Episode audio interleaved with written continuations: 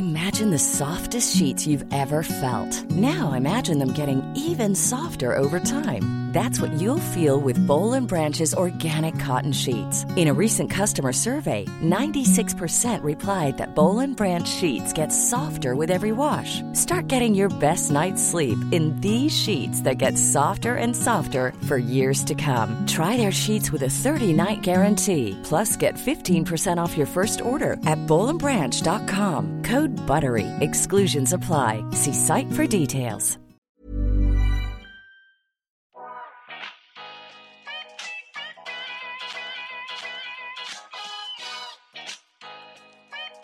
Välkommen till En timme med där jag, Sanja Tegeltia, träffar människor som inspirerar mig som delar med sig om sina karriärresor, sina motgångar, om självutveckling och hur de har kommit dit de är idag. I dagens avsnitt så pratar jag med Elin som är grundare av modevarumärket Stylin. Vi går in på hur en dag på kontoret kan se ut för henne, hur idén kom till bakom Stylin, hur hon lämnade elitidrottsvärlden och flyttade till New York, började en helt annan bana. Vi går också in på kreativitet, hur hon gör för när hon har kört fast och viktiga rutiner som hon använder sig av i sin vardag. Hej Elin! Hej! Så kul att ha dig här. Mm, väldigt kul att få vara här. Känns Ja. som en ära. Ja, och jag är så nyfiken på dig och det, det är så här man vet Elin, yrkes-Elin, men det ska bli kul att lära känna dig lite bättre. Mm. Mm. Hur, hur brukar du eh, starta dina dagar? Det är alltid lite, lite kul att få, få veta. Ja. Ehm, det är en ganska bra fråga till mig som är då extremt rutinig. Så att jag har ett svar och det ser likadant ut varje dag. Älskar. Ja, faktiskt. Ehm, Så jag går upp med min son runt kvart över sex för han har den klockan i sig naturligt. Och det är jätteskönt så att jag slipper liksom börja med bråk på båda barnen. Det räcker att han kommer in. Eh, och då dricker jag espresso, eller först dricker jag citronvatten. Eh, så det är hälsofreak jag är.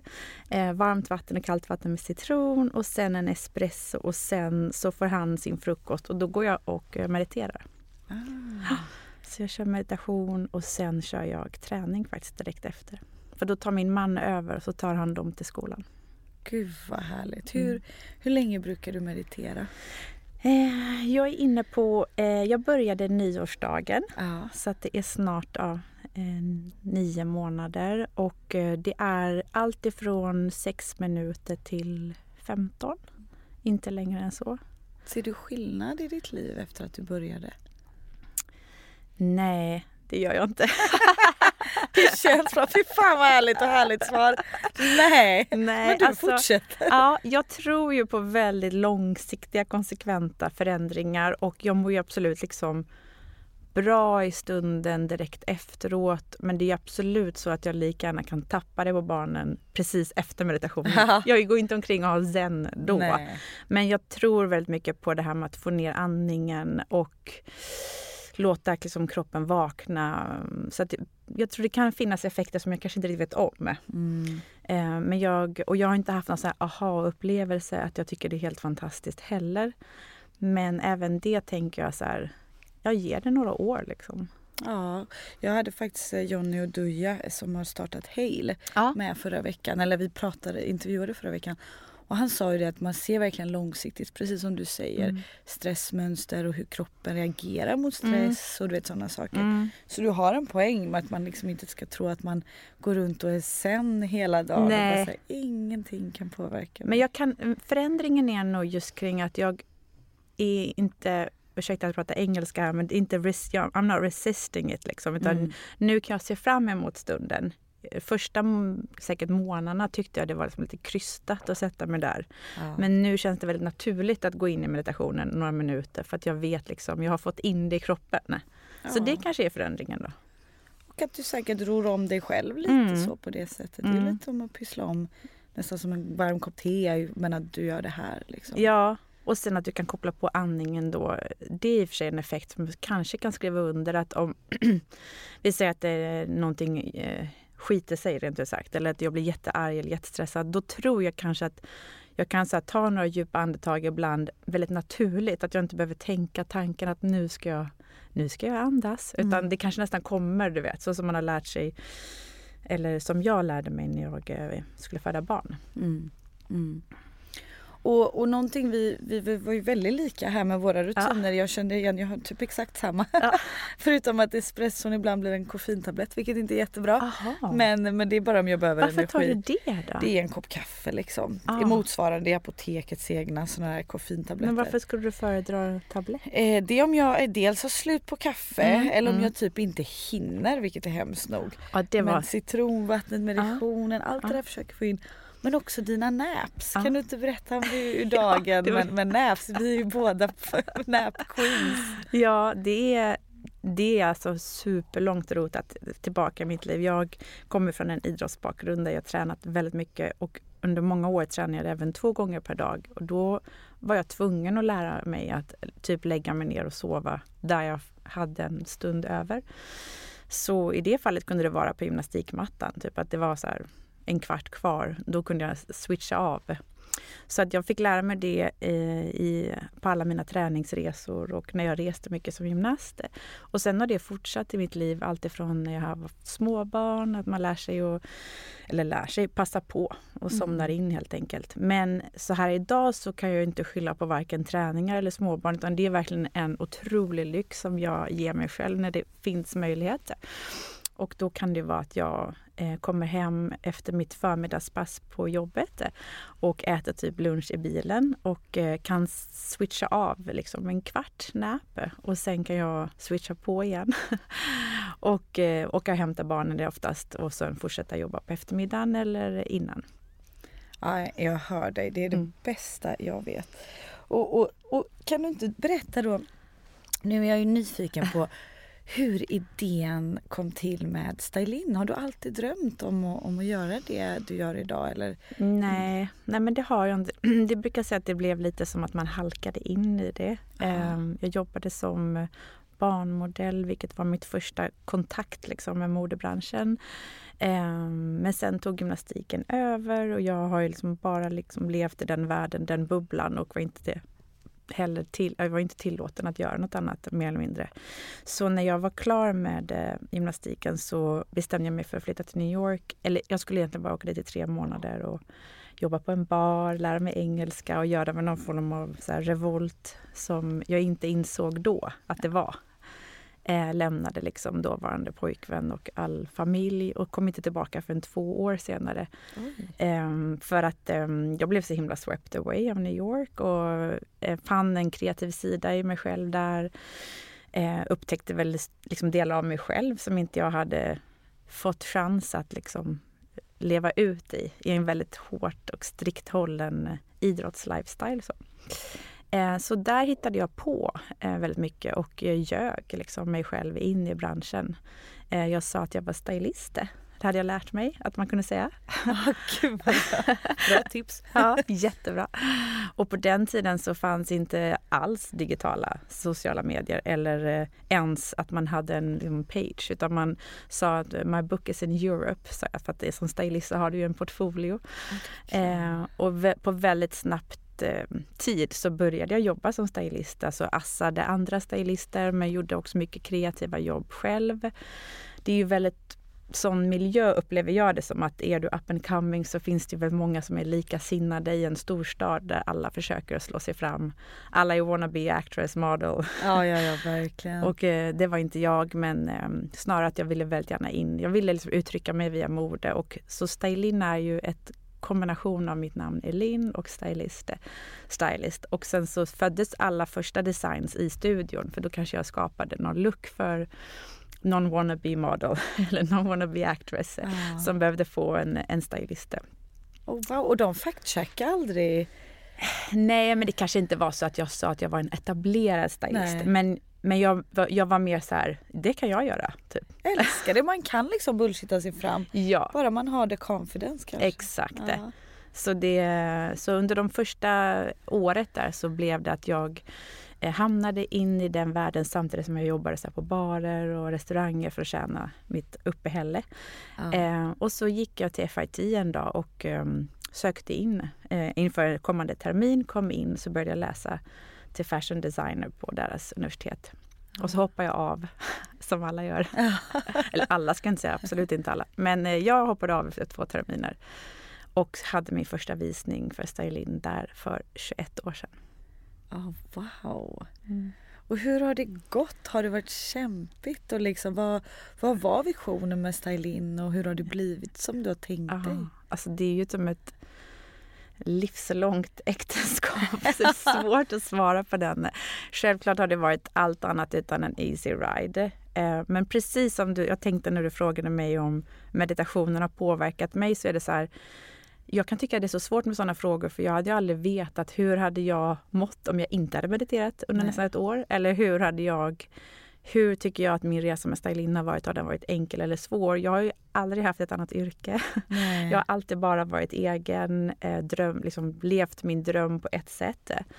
Um, men det har varit väldigt stora förändringar som har skett i hela mitt entreprenörskap. Att idag ha eh, närmare 15 medarbetare och liksom driva någonting som är mycket mer ansvar än de första åren där jag var själv, sydde alla kläder för hand, stod och screenprintade och strök på loggan så att den inte skulle tappa bort färg i tvätten. Ja. Du vet, åkte till så London, New York och ställde mig på modeveckorna på mässor och sålde.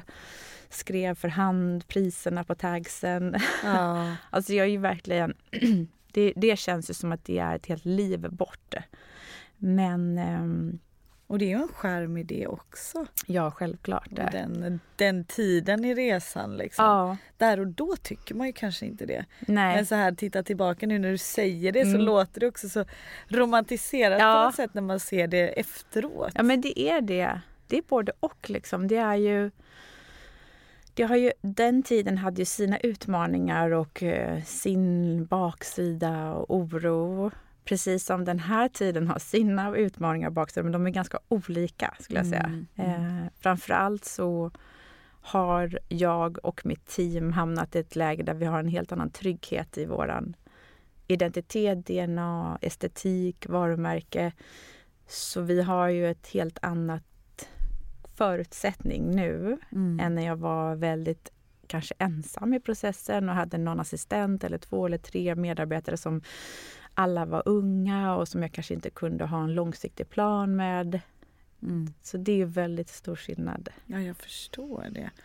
Och, och um, för de som liksom är så nyfikna på, på dig och dina dagar, hur, hur ser liksom en vanlig dag ut för dig på, på kontoret? Mm. Hur är det... Ja, det kastas ju väldigt mycket. Det är nästan så att jag kan komma jag kan liksom ha en insikt kring det ibland att gud, nu har jag precis haft ett så här jättetufft samtal med blivande banken kring en likviditetsprognos och sen ska jag gå direkt in i ateljén och tycka till om en urringning för att sen kanske ha ett eh, utvecklingssamtal med en medarbetare för att sen sitta i ett marknadsmöte med en av våra största e-commerce. Liksom. Och det, det är så ser det ut. Där. Så att jag sitter på ganska många stolar fortfarande, vilket inte är optimalt. Men där vi är nu så är jag ju VD och ensam designchef. Så då blir det att det blir stora ytterligheter. Mm, verkligen. Um, mm. Och, och hur gör du för att switcha om. Där är du ju bra kanske där på med ja, näpsen och switcha av, switcha på.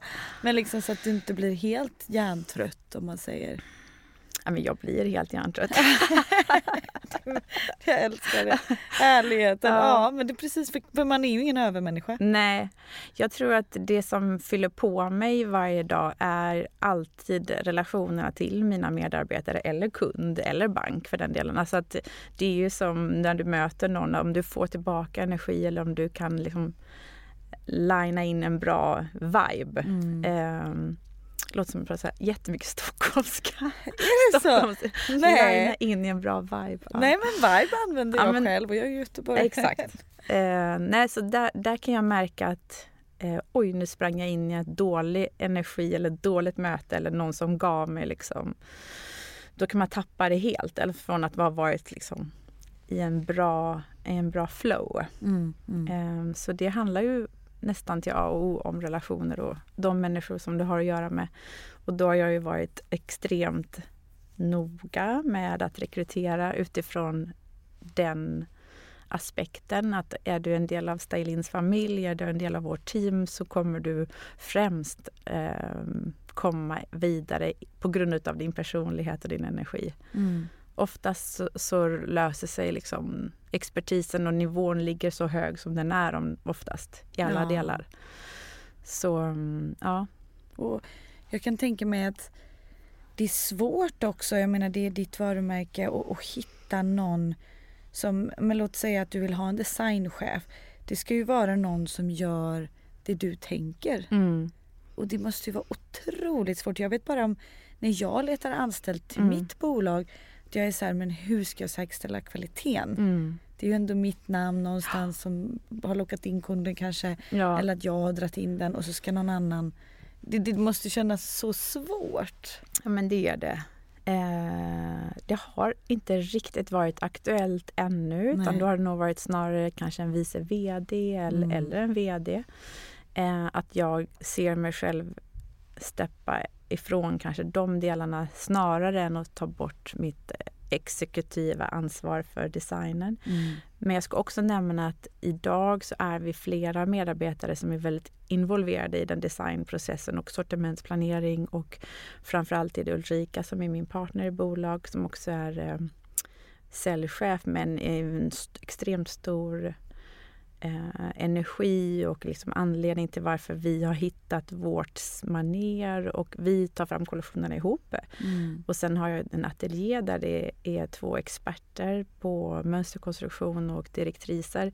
Så om jag skulle lämna över det så skulle jag ändå känna att jag har liksom skapat någonting som är ganska väl etablerat i sitt DNA. Som sagt, mm. även inne i familjen. Så det är ju inte så att de, eller vi kan, vi, vi ser ju inte oss själva göra så radikala förändringar mm. snarare än att vi utvecklas och finner nya vägar. Men...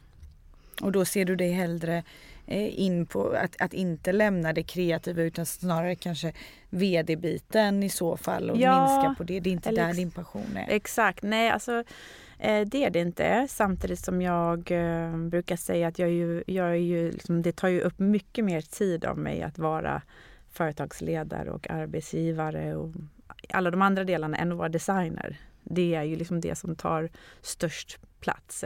Och det finner jag också ganska mycket eh, glädje i. Mm. Även om det kan vara sjukt utmanande kan tänka mig det. Och, och jag tänker mig också att det är kul kanske med variationen. Ja. När det ena blir lite tråkigt så har du det andra exakt. som ger dig huvudvärk och ja, annat. Exakt så det. det är så här, variation, gillar man det då är det ju perfekt. Egentligen. Ja och jag tycker också om att kunna se helheten. Att, att eh, mitt så här, vinnarskalle och eh, att jag liksom tycker väldigt mycket om siffror och tycker det är väldigt kul att lära mig under alla år kring hur det kan bli lönsamt och vad vi kan vända och vrida på. Så det är inte det är liksom inte tråkigt egentligen. Det är bara det att inte kanske tiden räcker till per dygn som man hade hoppats.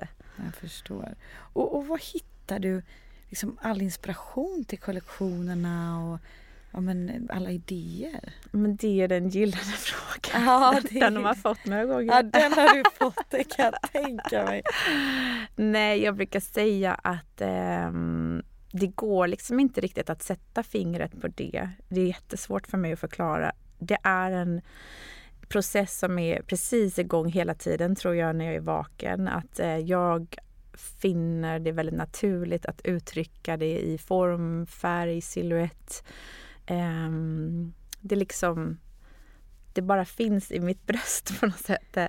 Eh, så inspirationen, om jag då känner mig låg på inspiration, då skulle jag nästan återknyta igen till att så här, då finns det någon energitjuv eller då är jag inte bra liksom, state of mind och då beror ju inte det på att jag liksom måste åka till Paris för att få inspiration utan då är det snarare kanske att jag behöver sova mm. eller meditera. Typ vara ute i naturen. Ja, men liksom bryta av lite grann. Sen så måste jag i och för sig erkänna att nu jag var i London och plåtade kampanj för några veckor sedan och kände att det var alldeles underbart att få gå ut och dricka drink och äta middag och här, ta del av en storstadspuls. Så det är ju inspirerande också. Men, men egentligen tror jag bara här, att det är mer humant i hur man mår och var, vart energin finns. Ja, ja men precis för det, det knyter lite till, till, till ja, men om man tittar på motsatt liksom, vad, vad händer om den kreativiteten dör lite eller mm. stannar mm. och man känner för kreativ press är ju aldrig kul. Det är nästan liksom som tvingar fram något mm. som inte går. Då nästan låser det sig. Mm. Men det är kanske som du säger då att du egentligen behöver byta miljö på mm. något sätt eller göra något mm. annorlunda.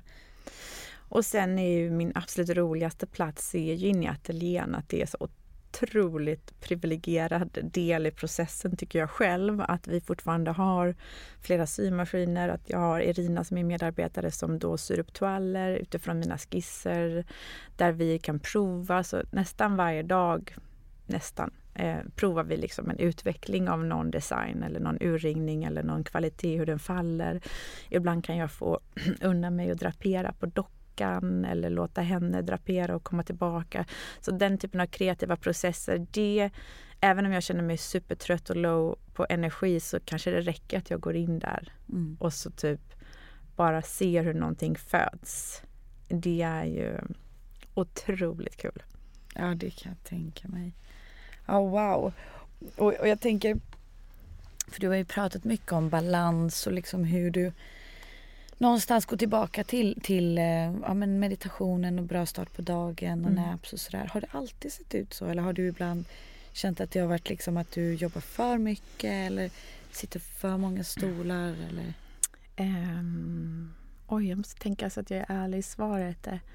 Men jag kanske inte kan säga att det har varit perioder där utan jag tror att jag har liksom Oh, jag vet inte. Inga långa perioder utan det är nog ups and downs precis hela tiden mm. snarare. Mm. Um, jag har ett otroligt stort kontrollbehov både kring mig själv och kring hur jag fördelar liksom, i så fall balansen. Och eh, när, jag, när jag blev mamma för åtta år sedan med vår första barn så skedde det ju någon form av förändring som på så många plan såklart. Men bland annat så tror jag att blev ju någonting som var viktigare än liksom mig och Stylin. Och då förflyttas ju fokus på kanske ett ganska så, så ehm, vad heter det, hälsosamt sätt. Mm. Eh, och det finns några som har levt nära mig eh, i min designsfär och eh, som har uttryckt att de tycker att jag blev liksom bättre som designer mm. efter jag blev mamma. Eh, och jag vet inte om det finns om det är anledningen eller om det är flera olika komponenter. Men jag tror att just det här när man klippte kanske det mest ångestladdade, att det här är precis allt i världen. Då blev jag liksom lite mera fri på något sätt. Mm. Kanske att du, ja men precis som du säger, att du insåg att det finns någonting som är viktigare. Mm. Då kanske man också tänker att ah, det är inte hela världen och Nej, det är då det brukar gå det bättre liksom. Jag vet, men sen måste jag, samtidigt som jag håller med dig, och så är det, men sen står jag ändå där och skriker och svär och blir helt galen om det inte blir bra. Ja, ja, men så du är ju också liksom lika, höga mål. Ja, det är fortfarande lika mycket kniven på strupen. Så det är inte så att jag blev kanske så himla soft och loj eh, som jag kanske Nej. hoppas. Men, men det finns kanske någon form av grund, mm, jag vet inte, fördelad trygghet. Ja. Och, och, och, jag menar den här balansen då efter att, efter att du blev mamma, har du varit ännu mer noga med att hitta det här work-life balance och inte liksom jobba ihjäl dig eller jobba för mycket eller för lite? Ja, alltså eh, kanske inte att jag varit mer noga, snarare att jag har blivit tvingad till att göra en fördelning. Mm. För att du har inte möjlighet, eller liksom om du vill vara en närvarande förälder på något plan, ibland i alla fall. så, och en sån grej som jag vet slog mig som typ som käftsmäll var ju så här herregud, de har ju så många lov och de har så många lediga dagar. Och det kom, du vet, de har så här, idag stänger de liksom halv fyra och vi hade inte en koll på det, jag och min man i bilen i morse. Så de ringde och frågade varför har ni skrivit att ni ska hämta 20 över fyra? Eh, så det är ju så här, vi har ju liksom, man tvingas ju in till en balans för att du inte i vårt fall har någon som tar hand om dem om inte du gör det. jag skrattar för det där känns som det kommer bli jag som förälder. ja. Vi bara tittar på varandra så här. Ja. Och det var dessutom vår dotter som ringde från sin klocka så här. Du, vi, de säger att det stänger halv fyra här. Oj då. Ja, då kommer vi hämtar halv fyra. Men då är det rätt skönt att vara egenföretagare. Ja. Visst är det så. Framförallt tycker min man att det var väldigt skönt. Tror jag. Ja, det kan jag tänka mig. För då åker den på dig ganska Exakt. per automatik. Mm. Men, um, ja, men vad heter det?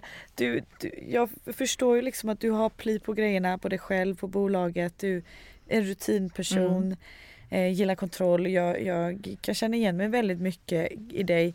Det jag tycker är spännande och din, din idrottsbakgrund vart, vart kommer din drivkraft ifrån tror du? Har du lärt dig som liten att liksom, entreprenörskap är bra eller mm. vad, vad, tror du att det, det grundar sig i?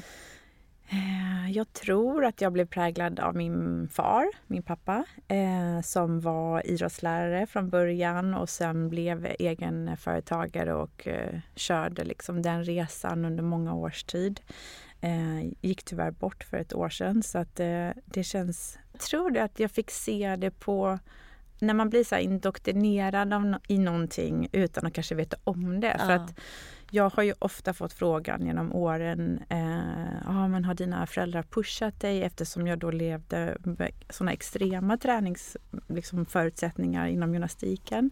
Ja. Och det stämmer liksom inte att jag har aldrig, det var nästan snarare tvärtom att de var så här, men ska du inte hoppa över liksom, nu får du vara hemma söndag kväll och eh, det kom från inifrån. Ja. Um, det var ju min coach som också var som min mamma som, som pushade mig. Hon hade inga problem att pusha. det brukar vara mammorna ja. ibland. Så att ehm, nej, jag tror att jag har blivit inspirerad såklart av det och att eh, det finns någonting i DNA då. Ja. Och vad nyttigt för dig som du berättade om att lämna och åka till New York. Mm. Bara också för att se att det finns någonting annat. Mm. Kan tipsa människor, för det är många lyssnare som ja, men liksom funderar på ibland starta eget eller mm. göra någon förändring eller kanske sitter på ett jobb där man inte trivs och sådär. Corona har väl också lärt oss mycket att så här, stanna upp och titta vad, vad är det jag gör? Mm. Är jag nöjd med situationen? Kan du liksom rekommendera en att göra det? Ja, men jag tror väl att alla utmaningar där man går utanför sin comfort zone ofta är väldigt bra. Mm. Att få komma till en storstad och vara anonym kan jag minnas som extremt befriande. Absolut inte för att jag på något sätt var känd utan snarare för att liksom ens egna uppfattningar om sin egen persona förflyttas när du kommer till en storstad där ingen känner och jag älskade det. Alltså jag, kan, jag kan sakna det idag och jag kan njuta av det om jag till exempel är några dygn eh, på jobbresa och inte har familjen med mig. Att jag tycker det är helt underbart att gå omkring och liksom jag kommer så väl ihåg att ett minne från New York var att jag så här, nej nu, jag vill verkligen bära hatt. Du vet. Jag gick in på någon så vintagebutik och köpte uh. Hattar. Och, eh, sen vet jag inte om det var en så här mode, modemiss eller inte. Det spelar ingen roll utan det handlar mer om att sätta på sig en identitet och vara mer lekfull i det. Ja. Och man kan vara vem man vill. Ja. Och, gå, i, liksom gå ut själv och jag älskar ju så här, sitta och äta lunch eller ta en middag i en bar själv. Det tycker jag är, det är sån njutning. Och jag, jag kan verkligen hålla med dig återigen där att det är ju synd när man blir lite sådär i sin egen stad att man inte riktigt kan leka runt. Mm. För då får man nästan en kommentar så här, vad har du för hatt på dig? Du brukar ja. inte ha hatt. Nej. Man bara, så, men jag känner kanske för att ha det. Aha, har du bytt stil nu? Ja. Man bara så här, nej, men nej. eller liksom sätta sig på en bar. Mm. Då kanske någon bara säger, ah, där sitter hon, är det krisigt i förhållandet? Eller? Så här. Ja, och jag hade ju tänkt själv samma tanke Exakt, om någon annan. Ja. Så det är så här, vi hamnar ju i sådana mönster. Ja. Eh, men det är eh, sjukt härligt att vara själv tycker jag. Ja, nej men jag, jag håller helt med. Det, det kan man ju verkligen tipsa alla om kanske och försöka bara så här out mm. of your comfort zone. Man behöver inte åka till New York. Nej. Men kanske Ja men Lappland funkar ja. eller vad så Sätter på en bar. Var som helst. Ja. Nej men eh, jag vill också fråga dig vad planerna och drömmarna är framåt mm. med Stylini. Har du liksom några... Ja de är så stora. De är så stora. det... Nej, jag är väldigt, väldigt eh, taggad och eh, peppad och stolt över att vi är inne i en process där, där vi verkligen eh, vågar satsa och hoppa och, och flyga rent ut sagt efter så många år där jag har relativt så här, organiskt byggt upp bolaget och sista två åren tar vi väldigt stora kliv och ska göra även kommande två, tre år i, i vår prognos. Um, så nu är det lite så här skygglappar på, jag på att säga, men att jag brukar tänka så här, jag kan liksom, oro får bara inte sippra in. För Nej. när den gör det så då blir jag liksom, ja, då blir jag verkligen blockerad. Ja, oro är det värsta. Mm, det är det värsta. Jag har läst det, jag kommer inte ihåg vem, det var någon så här stor konstnär som uttryckte sig så tydligt om det, något citat att där, oro är vår största fiende. Mm. Och det har etsat sig fast hos mig för att det känns också så himla privilegierat att sitta och säga så att ja, det är bara oro. Fast det är, jag kan bara utgå från mig själv. Ja. Att det finns ju så många som har andra som utmaningar än mm. oron. Men eh, i min situation så är det det som kan göra att jag inte tar de där sista besluten i satsningarna kring bolaget och, och vår framtida resa. Så jag, jag tror att vi kommer göra fantastiska år framför oss underbart och jag, jag kan verkligen tipsa alla er där ute om en bok som jag mm. själv har läst, som jag själv blev rekommenderad. Eh, med Dale Carnegie, Sluta älta och oroa. Mm. Den är otroligt bra. Mm. Väldigt, väldigt basic. Mm. Men väldigt effektfull. För att det är, det är tydligen liksom som du säger människans största fiende. Mm. Och för mig ibland så är jag inte ens medveten om att jag är orolig. Nej. Men det förstör så mycket för mig mm när jag inser att jag är det mm. i mitt undermedvetna. Som, som du säger att vissa, man bromsar i vissa beslut eller liksom drömmar och visioner mm. bara för att någonting lite ängsligt inom en. Eller att man Exakt. Inte riktigt, och jag, att, men jag, jag tänker också nu när du säger det, så kommer jag, det som ploppar upp i min tanke är att två av mina närmsta människor är väldigt orosbefriade. Mm.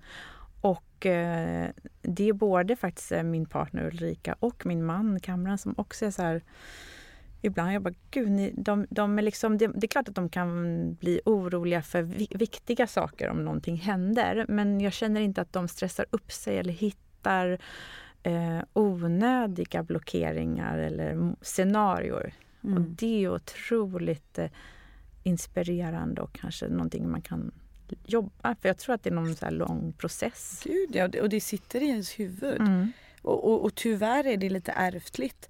Om man mm. har föräldrar som har haft några mm. liksom, scenarier där de har varit oroliga så, mm. så det väldigt mycket med att barnen tar till sig det. Exakt. Um, så det kan bara vara en sån grej. Men den här boken är verkligen ett verktyg kring hur du trattar ner en oro och sen till att den är så liksom onödig så att den bara poff. Ah. Så det är ver verkligen ett tips. Det är så svårt att komma ur det också om du verkligen hamnar i den där orostanken som Gud, så här, ja. tar tag i hela din kropp. Det är väldigt svårt att komma ur alltså. Otroligt och, och man liksom jackar på den mm. tanken och bygger upp scenario och scenario. Så att, eh, nej, det, det, kan jag verkligen tipsa om för mm. jag tror att mm. det är väldigt många som känner igen sig i det här. Och sen tänker jag att de gångerna som jag kommit ur den, om det verkligen blir så här orosångest, det är ju om du tillåter dig själv att helt enkelt säga det ut eh, högt ja. till någon annan, någon som du litar på. Ja. Så brukar det liksom lite så här, sippra ner. Mm. Ofta kanske det att det är flera saker samtidigt som är otroligt irriterande och jobbiga. Så blir det liksom, du kan inte greppa det till slut. Nej, men precis. Eller skriva ner mm. konkret, vad är mm. det jag oroar mig för? Och så bara så här, vad är det värsta som kan hända? Mm. Och så när man liksom ser på det och trattar ner det som du säger, får det konkret. Då blir det inte så stor grej. Man bara så här, ja men jag kanske blir av med jobbet då. Men at the end of the day så kan jag lösa det finansiellt. Ja, du vet så ja, man börjar liksom hitta plan, plan B, mm. plan C. Men, men ehm, vad heter det, det var vad heter det, helt annan, vi kom in ja. på helt andra saker men framtiden ser ljus ja. ut i varje fall. Ja men det, har liksom, ja det känns som att eh, glädjen är det viktigaste vi har att spinna vidare på i passionen. Jag märker så tydligt när vi är inne i det här flowet ja. i teamet och att jag, där har jag ju en viktig roll som ledare att verkligen eh, fira de små delsegrarna som jag säger så här klyschigt att jag har ganska så peppande start varje vecka jag låter som en amerikansk chef. Och hur gör du då? Nej, men det började faktiskt under pandemin. att Vi var ju tvungna att jobba hemifrån under så lång tid, eh, som alla. Eh, och jag var tvungen att hitta nya sätt att nå ut till mina, mitt team, eh, antingen på Zoom eller... Men saknade så mycket att ha det här vanliga vardagsmötet. Så jag insåg att jag behövde ha ett måndagsmail där vi liksom bara belyser det som faktiskt är on the go och eh, roliga saker, bra saker. Ehm, det är inte till för att ta upp som ett veckomöte där man pratar om massa problem och diskussioner utan det är snarare så här, förra veckan gick det här, det här riktigt bra och det här ser fram emot den här veckan. Och, ja, de tycker nog att jag är rätt tjatig med dem. Men samtidigt är det också härligt för att eh, alla måste kunna ta del av framgången eftersom vi är ju under olika områden. Några är ateljé, några är på PR, några är på produktion, några är på sälj och logistik. Och då kanske vi som jobbar med ekom till exempel är väldigt väl involverade i vår fantastiska försäljning och det vill jag ju att ateljén ska känna av lika oh, mycket. Det är så inspirerande De måste ju veta liksom, vad är det som händer eller PR vet väldigt mycket om vad som händer på sociala medier men det måste ju inköp veta. Ja. Så att um, just den typen av ganska amerikansk sida, um, cheerleader-sidan. Ja men underbart. Framförallt med försäljning. Mm. Det tycker jag är synd att inte fler gör för det är otroligt motiverande. Mm. I alla fall också om man är lite tävlingsperson. Verkligen. Då ger det ju någonstans resultat för allas jobb. Ja. Um, och där kan jag ha insikt i att eh, det saknade jag nog väldigt mycket i mitt ledarskap för bara jag kan inte säga exakt, men säg i alla fall för fem år sedan så pratade vi inte alls lika mycket siffror. Eh, nu pratar vi väldigt mycket siffror, men just i målsättning att säga det högt, att liksom skriva ut det, att alla medarbetare har tillgång till vissa dokument där det fylls i varje dag kring försäljningar. Jag hade helst liksom velat ha typ en klocka eller sån här, som tickar nästan. Eh, för att det är, det är ju ändå det vi håller på med. Någonstans. Alltså, och pengar måste in. Ja. För det är allas lön, det gör mm. att ni kan bedriva verksamhet. Det glömmer man nästan lite mm. ibland i det här landet, att nästan lite fult. Ja, nej, men jag, eh. jag älskar det. Ja. Jag älskar att liksom, vi har en kommersiell sida där vi ska driva ett lönsamt bolag och växa. Det, har, det finns ingen eh, motsats i det eh, som är negativ. Liksom, för att eh, vi är så pass trygga i vårt varumärke att det går nu. Ja, nej, men jag håller med. Det otroligt peppande. Och även om det är en liten svacka att man då ser varför. Exakt, Hur kan vi göra det? Alltså, annars om man blundar för det då vet man inte riktigt vad man gör bra eller dåligt. Nej. Eller mindre bra. Men, eh, mm. men en avslutande mm. fråga som du inte egentligen är förberedd på och mm. det är okej okay om du inte kommer på någon. Men finns det någon så här som inspirerar dig eh, till vardags? En mentor, en eh, förebild, en mm. annan designer, vem som helst som, som du hade velat höra i podden. Oh. Och helst någon svensktalande. Inte oh, typ Gud, Joe Rogan spännande. i USA. Jag måste dricka kaffe och tänka samtidigt. Ja, men gör det. Och kommer du inte på så är det helt fine också. En svensk person, okej. Okay. Um, ehm, jag har ju så himla många härliga kvinnor runt mig så det ska vi nog verkligen kunna hitta här. Eh, låt mig tänka. Och du vet, den, ja, var, den, den, är så... Den är, man vill ha den direkt egentligen. Ja, men det är ingen som har... Och jag glömmer alltid att förbereda. Varenda är så? Yes. Så det här blir liksom... Ja, men okej. Okay. Jag skulle så gärna vilja att du bjöd in Pamela Bella Festa. Mm. För hon är otroligt eh, såhär, intressant, inspirerande. Nu är hon väldigt nära mig privat men jag tycker att hon har mycket att eh, säga och dela med sig och har varit i vår bransch i många, många, många år. Jättebra tips. Mm. Tusen tack. Ni kommer, ni kommer ha bra vibe. Tror du det? Ja. Jag älskar att ha bra vibe. Jag är också en vibe-nörd. Energier och allting sånt där. Det är mitt bästa. Tusen tack för att tack du ville vara med. Om ni gillar podden så får ni hemskt gärna dela den här med era vänner men också gå in och prenumerera och jättegärna lägga en liten kommentar. Det hade gjort mig så otroligt glad.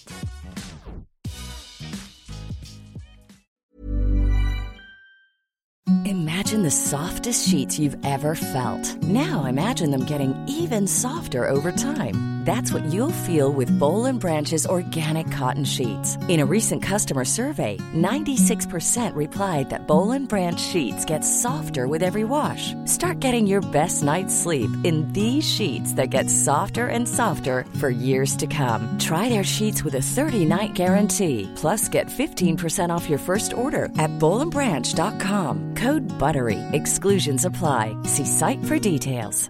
Hey, it's Paige DeSorbo from Giggly Squad. High quality fashion without the price tag. Say hello to Quince. I'm snagging high-end essentials like cozy cashmere sweaters, sleek leather jackets, fine jewelry, and so much more. With Quince being 50 to 80% less than similar brands. And they partner with factories that prioritize safe, ethical, and responsible manufacturing. I love that. Luxury quality within reach. Go to quince.com slash style to get free shipping and 365 day returns on your next order. Quince.com slash style.